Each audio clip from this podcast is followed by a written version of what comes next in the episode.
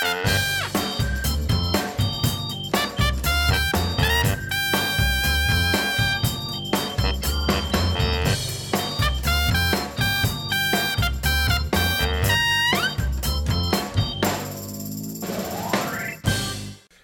een fantastische lunch in het zuidelijke Berg Zoom zijn we hier weer met een kakelverse podcast met Patrick Simons en Geerten.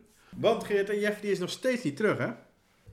Hij lag net met zijn eh, kind op zijn buik te slapen. Ja, Dus de jongen neemt gewoon even rust, heel verstandig. lijkt Zodat hij volgende week weer eh snoeier dan het werk kan. Ja, ja, ja. Het Dus is de- Jeff, als je dit hoort, Geniet er nog Geniet even er nog van, even van. Want inderdaad, volgende week zal Jeffrey weer terugkeren in deze podcast. En is het gedaan met, de- met de rust.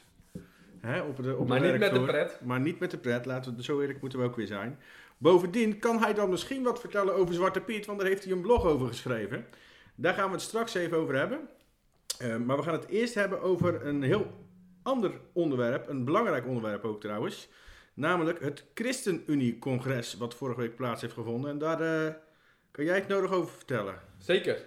Ja, kijk, afgelopen zaterdag was er bij de, eh, in het Beatrix Theater in Utrecht was er een congres van de ChristenUnie. Het partijcongres.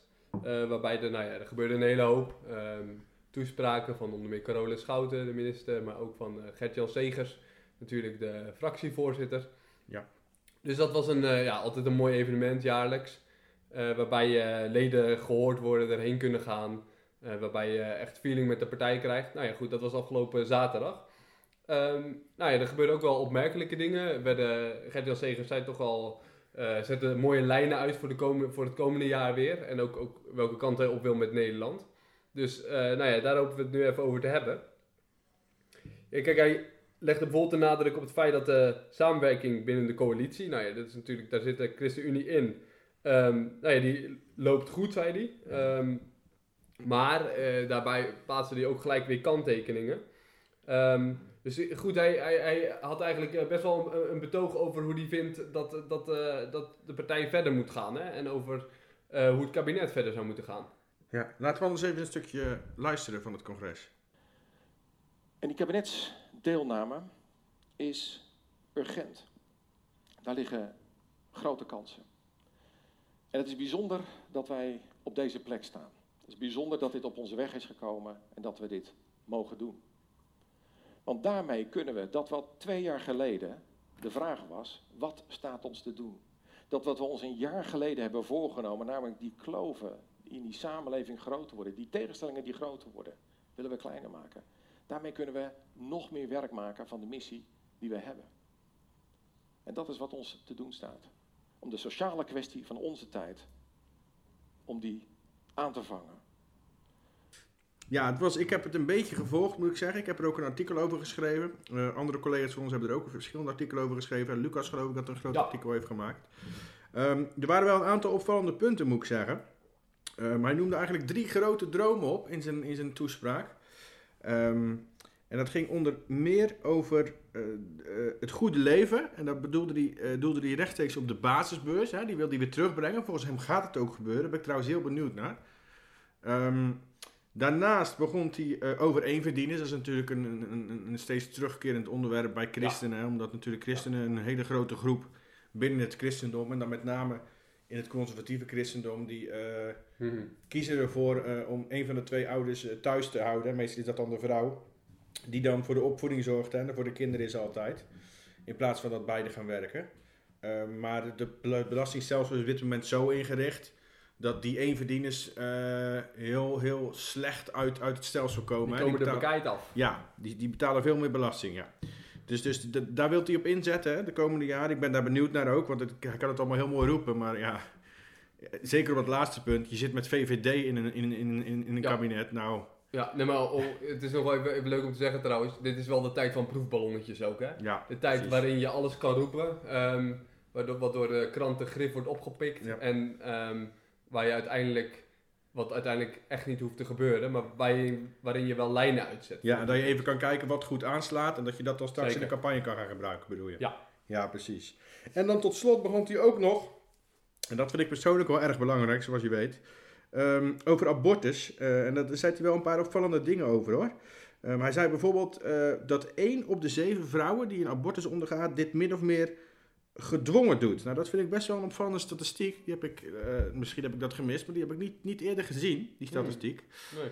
Ehm, en hij, hij zei dat ook dat we er aandacht aan moeten gaan besteden. Hè? En dat we aan moeders en hun ongeboren kinderen moeten bewijzen dat elk leven het waard is om geleefd te worden. Nou, daar ben ik het helemaal mee eens.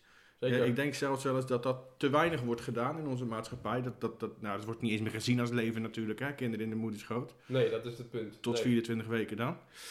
Ehm, terwijl wij dat natuurlijk wel zo zien, althans de meeste christenen. Mhm. Eh, en ik vond het mooi en opvallend dat hij daar ook wel even de aandacht duidelijk op legde.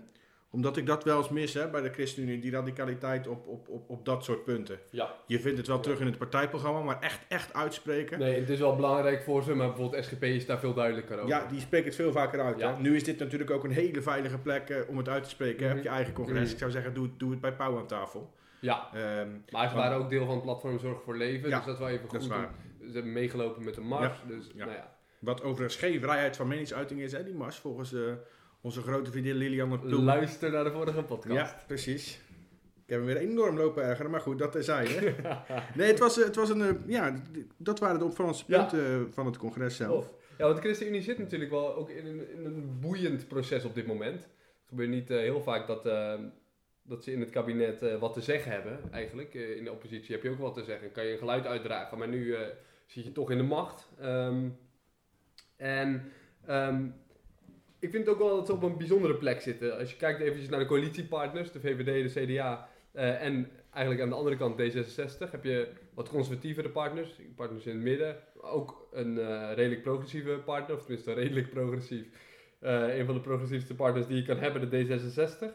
En het is eigenlijk wel leuk om te zien hoe het bijvoorbeeld met kwesties waar het er om gaat. ehm, Nou, D66 is voornamelijk progressief op medisch-ethische Ja, kwesties. En verder is het natuurlijk een degelijke middenpartij. hè. Ja, maar in ieder geval eh, zijn ze met z'n, met z'n drieën, eh, zit de ChristenUnie toch een beetje tussenin, ook als wat kleinere eh, partij.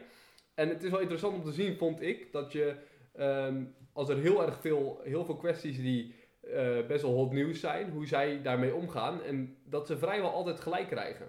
En, of tenminste, dat hun standpunt wordt gevolgd of het uiteindelijk een heel eind in die richting komt. Ze komen er altijd goed uit, ja. Ja, en, dat, en ik denk wel dat het door die partners komt. Dat je wat verschillende, ehm, nou ja, verschillende partners hebt die wat verschillende plekken innemen in het politieke stelsel. Ehm, ja, goed, die, die, die vechten natuurlijk ook met elkaar en daar komt uiteindelijk wat uit. Nou ja, goed, en dan, ga- en dan gaan zij ermee vandoor, zo zou je het kunnen zien. Nou ja, als je bijvoorbeeld naar het kind, aan het kinderpardon denkt of eh, eh, de verlaging van de maximumsnelheid.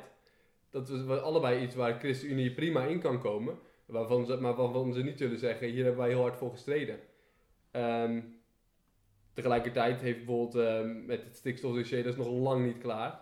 Eh, er gaan nog een hele hoop maatregelen eh, getroffen worden. En bijvoorbeeld Carole Schouten, een minister voor de CU, eh, die zal zich daar toch goed doorheen moeten loodsen. Dus ik denk dat ze daar nog wel wat werk te verzetten heeft. Ja. Ja, want zou je überhaupt als, als christelijke partij tussen die andere partijen moeten gaan Ja, zitten? je kan de vraag zelfs nog breder maken. Je zou zelfs kunnen zeggen, zou je, zou je een politieke partij moeten beginnen op grond van je religie?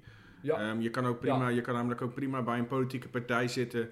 Ik noem maar wat, hè, VVD of CDA. CDA is ook een christelijke partij, dat is geen goed voorbeeld. Ja, Eh, VVD, SP D66, kennen we ook, dat je bij een bepaalde partij zit en dat je alsnog ehm, eh, jouw levensvisie, die jij persoonlijk natuurlijk op de Bijbel of op je geloof baseert, die kan je dan alsnog in je politieke eh, standpunten verwoorden. Hè. Dat betekent niet dat je een hele partij eh, puur op grond van die hele religie eh, moet oprichten. Dus dat is überhaupt al de vraag. Daarnaast vind ik het wel, ik vind het gevaarlijk dat je als, als christelijke partij ehm, in zo'n kabinet moet gaan zitten. Ik denk zelfs dat je het beter niet kunt doen. Ehm, want eh, regeren is compromissen sluiten. ja. Ehm, en God is, is geen God van compromissen. En de Bijbel is geen boek waarin het om compromis gaat. Sterker nog, het gaat juist om, om radicaliteit. Het, het tegenovergestelde van compromis zou ik bijna zeggen. De vraag is of je wel zou kunnen schipperen als, als, als, als, als christen, hè? Als, ook als, als christelijke politici, politicus. Ehm, Mhm. Om maar een voorbeeld te noemen, stel nou dat je zegt, eh, nou, eh, als jullie nou wat meer geld vrijmaken voor eenverdieners, hè, als CU, ik noem maar wat, hè, eh, dan gaan wij niet zo moeilijk doen, tegen D66 bijvoorbeeld, hè, over eh, abortus, wat bij jullie toch een beetje het paradepaardje is, dan laten wij dat een beetje rusten. Hè.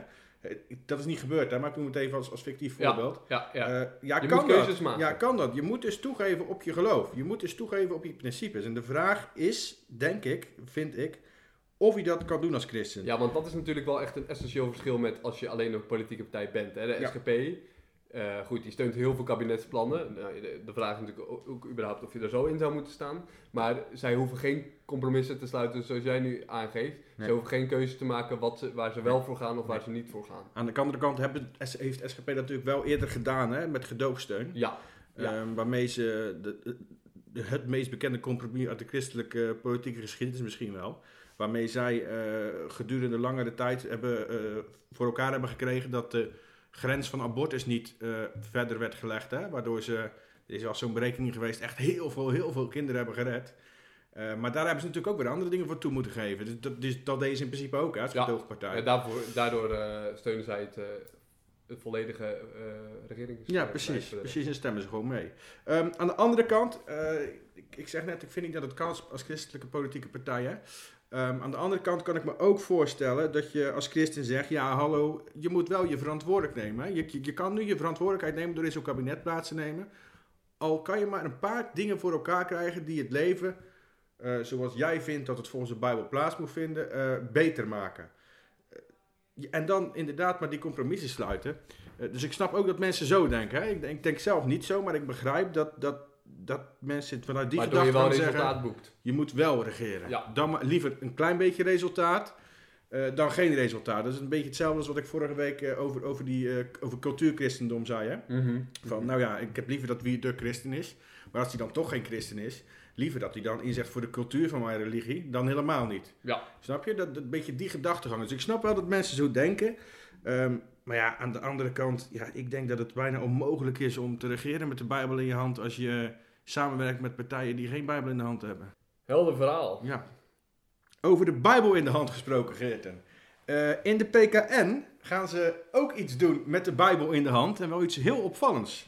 Een uitbreiding eigenlijk voor eh, transgenders in de liturgie. Ja, Even kort samenvattend, transgenders eh, hebben nu een, een toevoeging aan het dienstboek eh, gekregen. ehm, dat de kerk heeft voor speciale gelegenheden. En ehm, leden van de kerk die nou ja, in transitie zijn. dus die verbouwd worden, laten we het even zo even heel de cru zeggen. Van man naar vrouw of andersom. Die kunnen nu de zegen bijvoorbeeld ontvangen. En dan zijn ze nog steeds volwaardig lid van de kerk. Nou, juist voorwaardig lid, hè? Ja. En dat gaat om een zegen en dan, krijgen ze ook, eh, dan kunnen ze de nieuwe naam introduceren. Dat is een belangrijk onderdeel. Oh ja, ja, ja, ja. ja. Dus dan stellen ze zichzelf voor van, ik ben niet meer Patrick, ik ben Patricia. En dan worden mijn handen, Ja. handen opgelegd en een zegen uitgesproken en een gebed. Nee, zeker. Dus, eh, maar dat speelt al langer, hè, die discussie. Zou je dit moeten doen? Zou je eh, ook die ruimte moeten vrijmaken voor eh, mensen met een transitie? Nee. Nee. Het is tegen de scheppingsorde. Daar kan ik heel kort en duidelijk over zijn. God schiep vrouw als vrouw en man als man. Ik, ik, ik, ik zie het als een afwijking, het spijt me. Dan moet ik daar wel bij zeggen, ehm, overigens, voordat ik verder ga, wat ik wel heel interessant vind ook, is dat ehm, in de liturgie is, eh, is, een, is een gebed opgenomen. En in het gebed is dan ook wel aandacht voor mensen zoals ik, die dus zeggen, ik vind het niet kunnen, het kan niet. Uh-huh. Ehm, dan wordt er gebeden tot God om de mensen die hier, die door deze transitie pijn en moeite ervaren. Dus dan Ja, wordt, ja, worden ja, mensen met tegenstanders mee bedoeld. Dat vind ik wel heel mooi hoor. Maar goed, ja, het is ontstaan bij, bij een vrouw in Drenthe, of een man in Drenthe, die inmiddels vrouw is. En eh, die vond het heel belangrijk, dat snap ik dat natuurlijk, is dat als je dat zelf, als je zelf zo bent, dan is het natuurlijk heel, vind je dat heel belangrijk.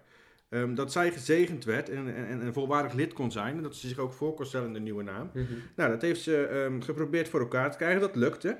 In de, eh, in de eigen lokale gemeente. Daar, daar is ze vervolgens eh, mee doorgegaan. Omdat zij vond dat dat landelijk zou moeten kunnen. Dat is niet zo gemeen, maar dat er gewoon een landelijk ehm, eh, procedure voor is, zeg maar, in de PKN. Eh, nou, dat heeft ze voor elkaar gekregen. De kerk heeft toegezegd van, nou, we gaan er een werkgroep voor instellen. Die werd eh, geleid door Theo Hettema. Ehm, en die vertelde ook eh, in, in, in, eh, in het nieuws waarom, waarom die... waar het idee vandaan kwam. Hè. Die zei eigenlijk wat ik al zei. Dat die vrouw uit Drenthe zich eigenlijk afvroeg waarom ze alles op plaatselijk niveau had moeten uitzoeken. Ja. Ehm, Omdat het veel makkelijker is als het op landelijk niveau is gedaan. En dat vind ik ook waar. Als er iets wordt Ja. geregeld, dan, Ja. dan liever eh, centraal. Ja. Ja, dat kan je tegen de CGK ook zeggen natuurlijk, hè, met die vrouwen. Ja. nou ja, en dat, en goed, en dat is natuurlijk ook onderweg. Ja. Nou Maar soms moet er nee, Ik eerst- denk niet dat het onderweg is. Ik denk niet dat dat doorgaat. Maar goed, dat nou, is- niet dat het doorgaat, maar dat er in ieder geval een besli- bes- beslissing wordt genomen. Ja. En dat is in dit geval eh, ook gebeurd eh, doordat, nou ja, soms begint het dan wel lokaal doordat zo'n vrouw dit in, in gang zet. En dat gaat dan inderdaad weer verder doordat eh, Ja. de werkgroep daarmee aan, de- aan de slag gaat. Ja, nu, nu zei die, die Hettema ook, die zei ook in, in de pers, want ehm, dat de werkgroep vooral eh, zich ten doel had gesteld om veel te gaan luisteren hè, naar wat er nou allemaal speelt. Ehm nou vond ik het opvallend, want het, het nieuws dat ze hiermee bezig waren kwam eigenlijk een half jaar geleden of zo al naar buiten. Hè. Toen heb jij er volgens mij nog een berichtje Mhm, over mhm. gemaakt. En nu is het definitief, waardoor het eigenlijk opnieuw groot in het nieuws komt. Eh, maar destijds, hij zegt we willen vooral luisteren. Destijds eh, heeft, ik geloof uit mijn hoofd, eh, Trouw, heeft eh dominee Maarten Klaassen opgebeld uit Arnhemuiden. die we allemaal natuurlijk kennen van de Nashville-verklaring. En die behoorlijk radicaal is op dit soort punten. Ehm, en die wist dus helemaal van niks. Dus nou ja, luisteren. Het lijkt vooral op dat de werkgroep vooral heeft geluisterd naar transgenders. Ja. Ehm, en mensen die achter, achter, achter die groep staan. En het mee eens zijn dat dit gaat gebeuren. Maar niet naar. En ik denk dat dat in mijn. Ik denk dat dat nog een veel grotere groep is dan je denkt. Naar de groep in de kerk die hier niet achter staat. Want ik, Nou, denk, niet, ik denk niet dat dat alleen maar bijvoorbeeld de Gereformeerde Bond is. De conservatieve stroming in de PKN. Hè, Nee. in de hervormde kerk. Maar ik denk dat het veel breder is. Ja, mensen die zich op zijn minst afvragen of je dit zou moeten doen. Ja, precies. Ja. En, en Maarten Klaas, die dominee Maarten Klaassen, dominee Klaassen, dus die, die reageerde toen behoorlijk fel ook in, het, eh, in, in, in, in trouw. Ehm, die, die, die verafschuwde het zelfs, het besluit, zei hij.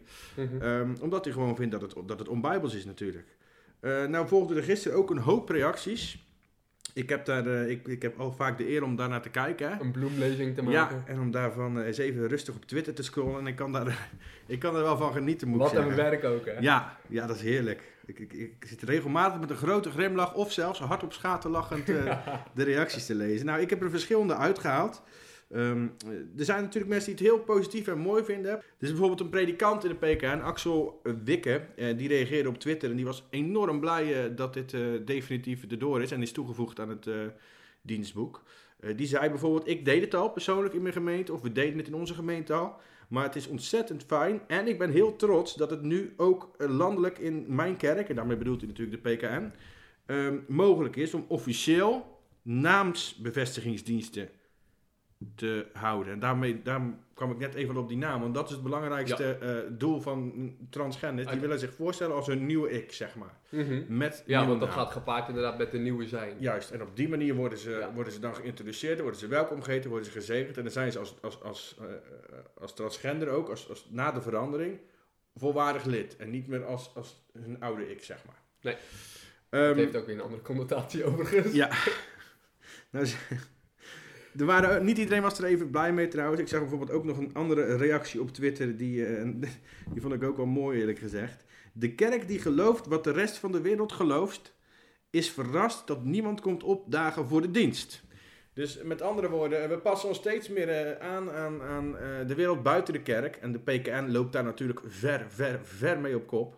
Mhm. Eh, die doen dat natuurlijk op allerlei gebieden. Ehm, en deze man die zegt dus, nou ja, als je dat doet, dan eh, moet je niet gek staan te kijken als, eh, Als je je niet de meer kerk, onderscheidt. als de kerk, als je niet meer onderscheidt, waardoor de kerk uiteindelijk leegloopt. En dat wordt ook onderbouwd door cijfers, want hoewel de PKN eh by far de grootste protestante kerk in Nederland is, gaat het, gaan de, de ledencijfers ook het hardst achteruit in die Ja, echt kerk. hè? schrik- schrikbarend. Echt enorm snel, ja, gaat het. Ja, en er was ook nog een theoloog eh, die datzelfde eigenlijk zei, hè? Ja, ik kan zijn naam maar niet goed uitspreken. August zou ik zeggen. En die zei inderdaad, de kerk zou juist geen voorbeeld moeten nemen aan de maatschappij. Eh, dat kan en mag nooit de leidraad zijn. Gods heilige woord moet juist die leidraad zijn. En hij zei, eh, ondanks de goede bedoelingen hè, van het initiatief, kan het nooit in lijn zijn met Gods geboden. Nee. Ja, dat is duidelijk, laat, dat denk ik. Hè? Ja, en behalve theologische heb ik er ook gewoon sowieso een bezwaar tegen dat dit inderdaad ehm, transgender gestuurd wordt. Dus, dus er is geen onderzoek geweest naar, of, of een peiling, voor zover wij weten, Ja. in hoeverre het een, een, een eh, breed Ja. eh, gedragen initiatief is. Het is een beetje L, LGBTI, L, alle Q. letters, Q gedrang, hè, zou ik zeggen. Dat zie, je in de, ma- dat zie je wel in de maatschappij ook heel veel terug, hè. Ehm, eh, ze moeten, ze willen, dat vind ik altijd apart, hè. De- de- die mensen willen overal apart genoemd worden, maar ze willen hetzelfde behandeld worden. Ja, Snap je? En Ja. dat is nou in de kerk ook weer zo. De liturgie geldt voor iedereen. Dus de liturgie eh, eh, die- in het dienstboek, eh, doop, eh, avondmaal, beleidenis, wat voor liturgie er ook Mhm. in staan, dat weet ik niet eens trouwens. Ehm, hoewel het mijn kerk is. Die liturgie is geschikt voor iedereen. Er hoeft geen ap- aparte liturgie voor homo's, hetero's, transgenders eh, te zijn. Nee, Dit is helemaal niet nodig. Nee. Ze En kunnen toch inclusief zijn? Dat, dat willen ze toch ook?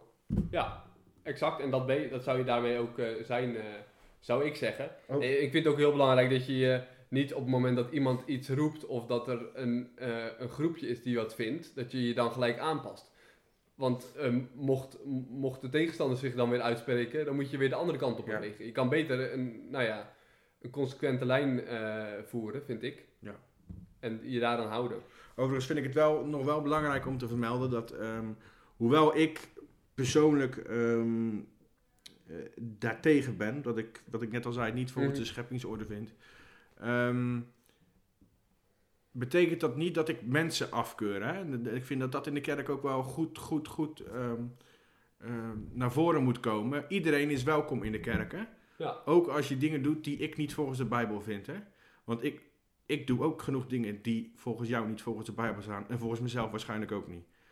Want iedereen zou in principe natuurlijk gewoon welkom moeten zijn bij de kerk. Hè? Net als dat iedereen welkom is bij een, bij een, bij een Sinterklaasoptocht. Of je nu eh, wit, zwart, geel of rood bent. Iedereen is Of- welkom. Of met eh roetvegen op je Ik gezicht. zou zeggen, tenzij je een Piet bent, want dan mag je natuurlijk niet zwart zijn tegenwoordig. Althans, dat vindt onze collega Patrick Goede. Die heeft eh, van de week een eh, blog geschreven. Eh, waarin hij zei, eh, de titel van de blog was... Waarom ik als christen Zwarte Piet niet langer kan verdedigen. Ehm, we hebben de dag erna, eh, dat was vandaag trouwens, een, een blog van onze eindredacteur Jeffrey gepubliceerd. Hè, die juist wel pro-Zwarte Piet is. En die daarin betoogde waarom hij... ehm, elk, elk jaar of elk jaar, waarom hij straks als zijn neefjes, ehm, even voor de context zijn schoonzus en zwager wonen samen met hun neefjes in Israël en die komen af en toe naar Nederland. Die komen straks halverwege december komen ze weer naar Nederland en dan gaat Jeffrey eh, zich als Zwarte Piet eh, verkleden en sminken en dan gaat hij eh, komt met cadeautjes naar die neefjes toe. Ehm, en die- hij, hij legt in die blog dan uit waarom hij dat juist wel belangrijk vindt.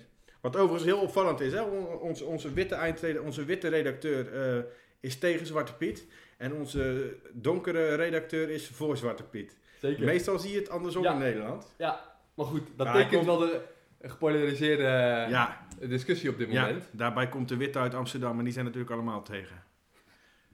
Maar goed, er is ook eh, heel veel gezegd, heel veel geschreven over natuurlijk. Dus ook op SIP. Ehm, ja, en het is natuurlijk nogal een discussie hè, die, die, die breed maatschappelijk gevoerd wordt. Die eigenlijk al jarenlang gevoerd wordt. We gaan er nog meer aandacht aan besteden volgende week. Er komt nog een blog aan. Nog een column van eh Martijn Doekes, onze vaste columnist. Die heeft er ook iets over geschreven. Ook tegenstander van de traditionele Zwarte Piet trouwens. Hmm. Maar die gaat, eh, die gaat dat ook uiteenzetten waarom hij dat vindt. Ehm, Maar waarom is dat voor christenen nou zo'n punt, de Zwarte Pieter discussie? Want goed, het is, het is een super maatschappelijk thema. Ja. Maar goed, ja, je, nou, daar, heb je, daar heb je het belangrijkste punt al. Wij zijn natuurlijk gewoon een onderdeel van de maatschappij. Ja, Ehm, dus daarom zijn maatschappelijke thema's ook voor ons van groot belang.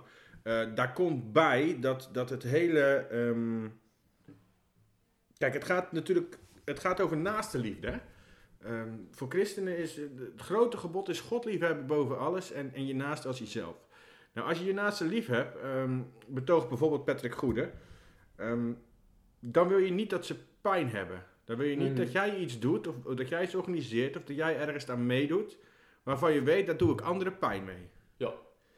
En dat is natuurlijk, ja, je kan links of rechts omgaan, maar als Zwarte Piet, dat doet bij bepaalde mensen pijn. Althans, ze geven in ieder geval aan dat, ze, dat het pijn Ja. van ze doet. Ik denk dat de Ja. gedeelte het ook wel een beetje misbruikt. Maar en als je dat serieus neemt, precies, ja, dan kan je eigenlijk niks anders dan zeggen, ja, uit naastliefde zou ik dan niet moeten doen. Zou we het dan moeten aanpassen. Dus daarom is het voor christenen natuurlijk wel een belangrijk thema. Maar Ja. je ziet dat daar heel veel verweer tegen is, hè? ook onder christenen of juist onder christenen. Ik weet niet of jij onder die, onder de, op Facebook af en toe kijkt onder artikelen die hierover gaan. Niet zo vaak meer. eh, Ik Nee. ben er een beetje klaar mee. Ja, Maar dat begrijp ik. soms moet er ook wat gecensureerd worden. Dus dat toont wel aan waarom... eh, Ja, precies. Maar als je kijkt, veel christenen zijn natuurlijk ook conservatief. Ehm, dat wil zeggen dat ze heel erg ehm, vasthouden aan tradities, dat ze dat heel belangrijk vinden. Niet alleen naar kerkelijke tradities, maar ook tradities die bij onze cultuur horen. Nou ja, goed, als je het over Joodse cultuur hebt, ik snap niet wat Zwarte Piet daarin zou moeten doen, maar Nee. goed. Ehm, Dus daarom denk ik dat mensen moeite hebben om, om, om eh, akkoord te gaan met aanpassing. Of omdat ze gewoon die, die, die, die minderheid die, die, die daar last van heeft en die het wil aanpassen, een stel drammers vinden. Maar als je heel eerlijk en heel open naar de, naar de Bijbel kijkt en, en uitgaat van eh, dat je naaste lief moet hebben als jezelf en de minste moet zijn, eh, dan denk ik dat je eigenlijk niet onder aanpassing uit kan. Nee. En nee, ik weet nee. dat ik nou iets zeg wat heel veel mensen misschien niet van mij zouden verwachten, maar ja, dat is toch wel echt zo. Ja, er zijn, nou ja, er zijn nog eigenlijk er zijn best wel manieren waarop je eigenlijk naar deze discussie kan kijken. Eh, je hebt er net al twee genoemd. Eh Jeffrey's standpunt is eigenlijk dat hij niet vindt dat ehm, de tegenstanders die heel hard roepen op een moment, dat je die ook maar iets toe zou moeten geven. Dus daarom vindt hij alleen al niet dat je naar de roetveegpiet zou moeten gaan. Dus dat is een, een- een van zijn belangrijkste punten. Ik ga me niet aanpassen omdat er mensen zijn die, eh, die dit ontzettend belangrijk vinden. Ook al zijn ze misschien geen eens zwart en hebben ze er geen pijn van. Maar ze vinden gewoon in de naam van eh, inclusiviteit dat alles moet kunnen. En dat daarom ook eh, mensen niet zwart zouden mogen zijn bij een optocht. De Zwarte Piet. Ehm, nou ja, er zijn de keiharde voorstanders. dat zijn denk ik ook de twee groepen die het hardst roepen. Hè? Keiharde voorstanders, je mag nergens aankomen. Dit is onze cultuur, precies wat je zei. Er zijn keiharde tegenstanders. Mensen die zeggen, alles, eh, eh, alles is racisme. Nee, dat hoor je ze wel, wel vaker roepen. Het woord racist wordt tegenwoordig wel erg snel uit de kast gehaald. Ja, het is eerst was de leraars over de grens komen. ik heb toevallig van de week zo'n filmpje gezien over de eh, asielzoekers die bij Ter Apel op de bus gingen naar, Ja. naar Amersfoort en die, en die had geen geldig kaartje. En hij kon geen woord Nederlands hè? en hij, werd niet binnengelaten vanwege geldig kaartje. Racisten, racisten! Ja, ja, Dus ja, ja, Eerst ja. was te leren. Maar ik denk dat de, de grote groep eigenlijk heel veel nuance heeft in dit verhaal. En Of dat zijn- gewoon, of gewoon totaal geen care ook hè. Nee, Want wat, dat, dat heb ik vooral. Wat interesseert mij nou? nee, nee. Mensen die snappen dat je... Er zijn mensen die snappen dat je het kinderfeest niet wil afpakken van de kinderen. En daarom nog wel net voor zijn. Eh, maar wel nou, begrijpen dat mensen er een beetje last van kunnen hebben. Of, of meer last. Eh, aan de andere kant zijn er ook nou ja, milde tegenstanders. Die vinden, nou ja... ehm, de roetveeggebied eh, zou er moeten zijn omdat de mensen überhaupt gewoon moeite mee hebben. Het, het doet pijn. Nou ja, daarom zou, moet je gelijk overschakelen. En eigenlijk iemand die er ook zo over dacht was eh, René van der Gijp. Die was eerst een uitgesproken voorstander. Maar die legde in dit fragment even uit waarom hij is geswitcht. Weet je wat ik Ja. wel had deze week, Wilfred? Ja. Dat we hebben natuurlijk een stortvloed aan donkere mensen op tv gezien, hè? Deze week, ook ja, met Pauw en, en, zo. en, ja. en ik schrok er toch wel een beetje van. Ik wist wel dat het zo was, maar dat het zo, zo, zo heel erg was. Die mensen zitten wel allemaal heel, heel erg met die zwarte piet in hun maag, hè? Ja, ja, Daar zitten ze heel erg mee in hun maag. En dan denk ik, ja, weet je, dacht je nou werkelijk dat, dat, dat een kind van vier het ene reet kan schelen of dat ding groen, zwart of blauw is, joh? Nee. Kan jij dat nou verpleuren? Dus Maar- jij zegt eigenlijk stop er maar ja, stop er alsjeblieft mee. Weet je, ik heb mensen op tv zien huilen en dan denk ik, dan denk ik, ja, joh, die mensen hebben twee slechte maanden. Ja, Dat is toch niet, dat is niet prettig. En ik hoorde het van Wijnaldum en ik hoorde het van David en ik hoorde het van, nou, allerlei vrouwtjes en mannetjes Ja, op tv. zat, er zat ook zo'n strafadvocaat Ja, en dan denk ik, maar- bij de ladies Maar night. daar hangen wij in Nederland toch niet zo heel erg aan. Ja, hier kan ik, dus, hier kan ik me dus wel grotendeels in vinden. Dat, dat is precies een beetje, een beetje wat ik net ook aangaf. Hè, van, eh, ja, als die mensen daar nou echt zoveel pijn van hebben en zoveel moeite van hebben. En dat, dat dan een maand, dat ze elke, elk jaar, twee maanden, eh, de leven, eh, nou ja, een hel is niet de goede bewoording, maar de leven gewoon heel zwaar wordt. En dat ze bijna niet over straat durven omdat ze bang zijn om voor Zwarte Piet te Ja. worden uitgemaakt. En niet alleen die twee maanden, want er zijn ook mensen die zeggen dat heb ik de rest van het jaar tegenwoordig ook. Ja, precies. Nou ja, waarom dan niet, hè? Ook al is het een minderheid, waarom dan niet? Ja, het- ik vind het altijd een, een beetje een, een kul argument om te zeggen, ja, het is maar een kleine minderheid die het wil, dus we doen het niet. Nee, Dat, dat betekent niet dat het, dat, ja, dat het goed is om te... om- dat, nee. Ja, nee zo kan je hele verkeerde vergelijkingen überhaupt gaan trekken. ja als je ik die lijn zou bijna weer een god weer gaan maken, maar laten we het maar weer niet doen. Ehm, daar komt bij, dus ik kan me grotendeels wel René van der Gijp vinden hoor, dat, dat het gewoon, eh, als die mensen daar nou zo last van hebben, ja, laten we het dan lekker veranderen. Want degene die moeilijk doen over veranderen, kijk, waar is het Sinterklaasfeest voor bedoeld? Voor kinderen. Ik geef je op een briefje dat er geen enkel kind moeite heeft met aanpassing. Geen enkel kind. Het enige waar kinderen om geven met Sinterklaas is gezelligheid, muziek, Cadeautjes. cadeautjes, snoep. En of die nou door een zwarte piet, door een roetveegpiet, door een gele piet, door een witte piet, welke kleur dan ook, wordt gegeven. Dat interesseert ze oprecht niet. Nee. Maar het werkt dus ook twee kanten op, hè? Dus, dus ik geloof echt dat, dat eh, de kinderen van de pro-Zwarte Piet mensen er helemaal niet om zou geven als die aangepast wordt. Ik geloof oprecht ook dat verreweg het merendeel van de gekleurde kinderen helemaal geen last heeft van, van hè, want Jeffrey die Mhm, vertelde dat ook mhm. in zijn blog, dat hij er helemaal geen last van heeft gehad vroeger. Nee. Helemaal geen last heeft van, eh, of het als racisme ervaren. Alles zit, het probleem zit bij de ouders van beide groepen. Ja. Dus ja, Ja. ik denk, joh, laat het, ja, Ja, als dat die- ja, tenzij dat het voor de oudere, ouders bedoeld was, zou je nog kunnen zeggen, nou ja, moet, dan kan je nog die keuze maken. Maar kinderen kunnen zich hier oprecht natuurlijk niet in vinden. Die hebben überhaupt geen weet van deze discussie, Nee, als het goed is. ja nou, dat, die hebben er wel weten van, die ouders die trekken, betrekken het er natuurlijk bij, hè. Ja. Dan kan je er weer een filmpje van een huilend kindje kan je een filmpje maken en op Facebook zetten. En dat wordt dan weer massaal gedeeld. Die weten hoe dat gaat. Overigens, eh, wat ik ook denk, eh, of eigenlijk wel zeker weet, dit is nou weer typisch zo'n voorbeeld van een, een, een echte Randstad-issue. Hè? Mm. Ehm, buiten de Randstad geeft helemaal niemand erom. Buiten de Randstad bestaat de discussie amper. Nee. Daar, daar, daar, eh, daar vieren gekleurde kinderen, gekleurde mensen vrolijk het Sinterklaasfeest mee zonder dat ze zich racistisch bejegend voelen.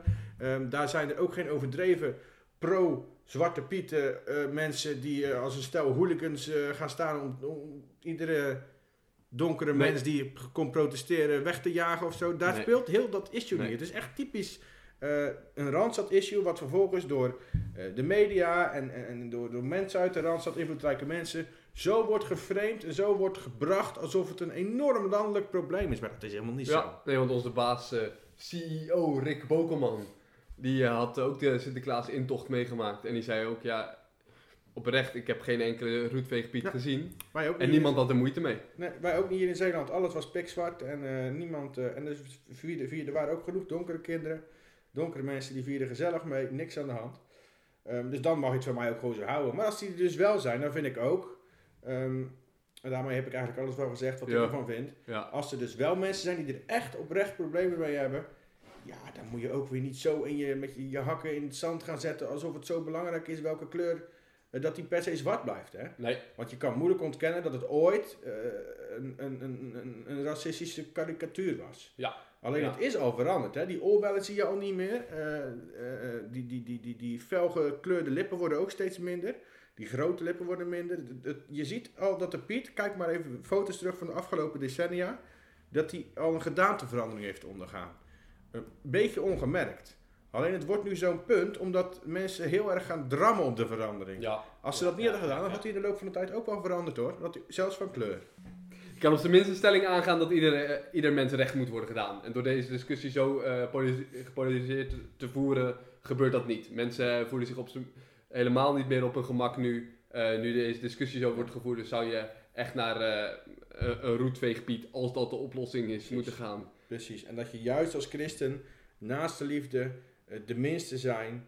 Omkijken naar de, de, de minderheden in de maatschappij. Eh, dat zijn echt belangrijke, belangrijke onderwerpen voor een christen. Dus dan juist als christen zou ik zeggen, moet je je daarvoor inzetten. Eh, en iets minder naar je, naar je eigen onderbuikgevoelens luisteren. En goed. En je eh, eigen ik. En je eigen ik, ja, precies. Maar wat een prachtige afsluiting. Want Ja. dit is ook de afsluiting geweest van de vorige podcast. Ik weet niet of je het nog weet. Nee, geen idee. Toen eh, eindigde het ook met naaste liefde. Nou, ik vind dat in ieder geval een heel goed teken. Ja. En laten we ook gelijk die discussie van Sinterklaas dan ook beëindigen. Ja, Op naar het lichtjesfeest. gast erop.